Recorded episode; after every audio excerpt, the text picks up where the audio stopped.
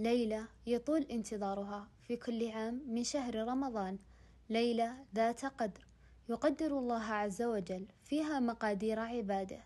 ليلة عظيمة يجتهد فيها العباد بالطاعات والتقرب إلى الله عز وجل. ليلة من فرط فيها أضاع خيرا كثيرا. ولذلك قررنا أن تكون هذه الليلة هي موضوع حلقتنا لهذا اليوم. فلنتعرف عليها سويا.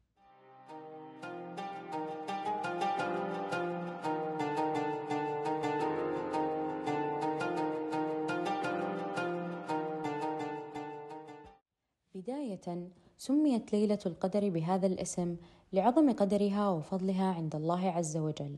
ففي هذه الليلة أنزل القرآن الكريم ولأنه في هذه الليلة أيضا يقدر فيها ما يكون للمؤمن في العام من الأجل والأرزاق والمقادير القدرية. فعن أبي هريرة رضي الله عنه قال قال رسول الله صلى الله عليه وسلم من قام ليلة القدر إيمانا واحتسابا غفر له ما تقدم من ذنبه. وإن العمل فيها خير من العمل في ألف شهر أي ثلاثة وثمانين سنة وأربعة شهور. يعني تدرك عمل إنسان معمر وعاش يطيع الله ثمانين سنة إذا أدركت ليلة القدر. وقال الله عز وجل خير من ألف شهر. يعني أفضل من عمر هذا الإنسان المعمر. بسم الله الرحمن الرحيم. إنا في ليلة القدر. وما أدراك ما ليلة القدر.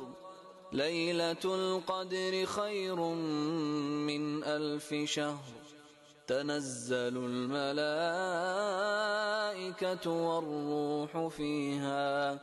بإذن ربهم من كل أمر. Au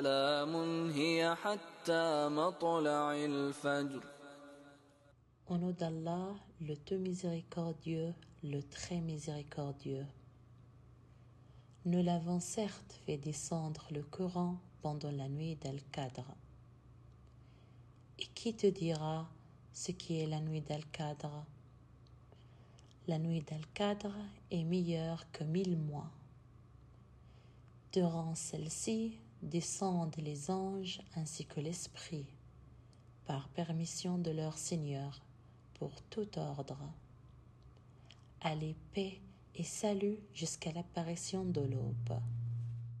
وأخيرا لندرك هذه الليلة ونتحراها خصوصا في الليالي الوترية من العشر الأواخر ولنجتهد أعزائنا المستمعين بالطاعات والتقرب إلى الله لعل أن تكون هذه الليلة ليلة مغفرة وعتق من النيران. ليلة يقدر الله عز وجل. لنا من المقادير أفضلها وأجملها. وشكرا لكم على حسن استماعكم. نلقاكم في حلقة قادمة بإذن الله. كانت معكم مي العنزي ماجد العرير لمياء العنزي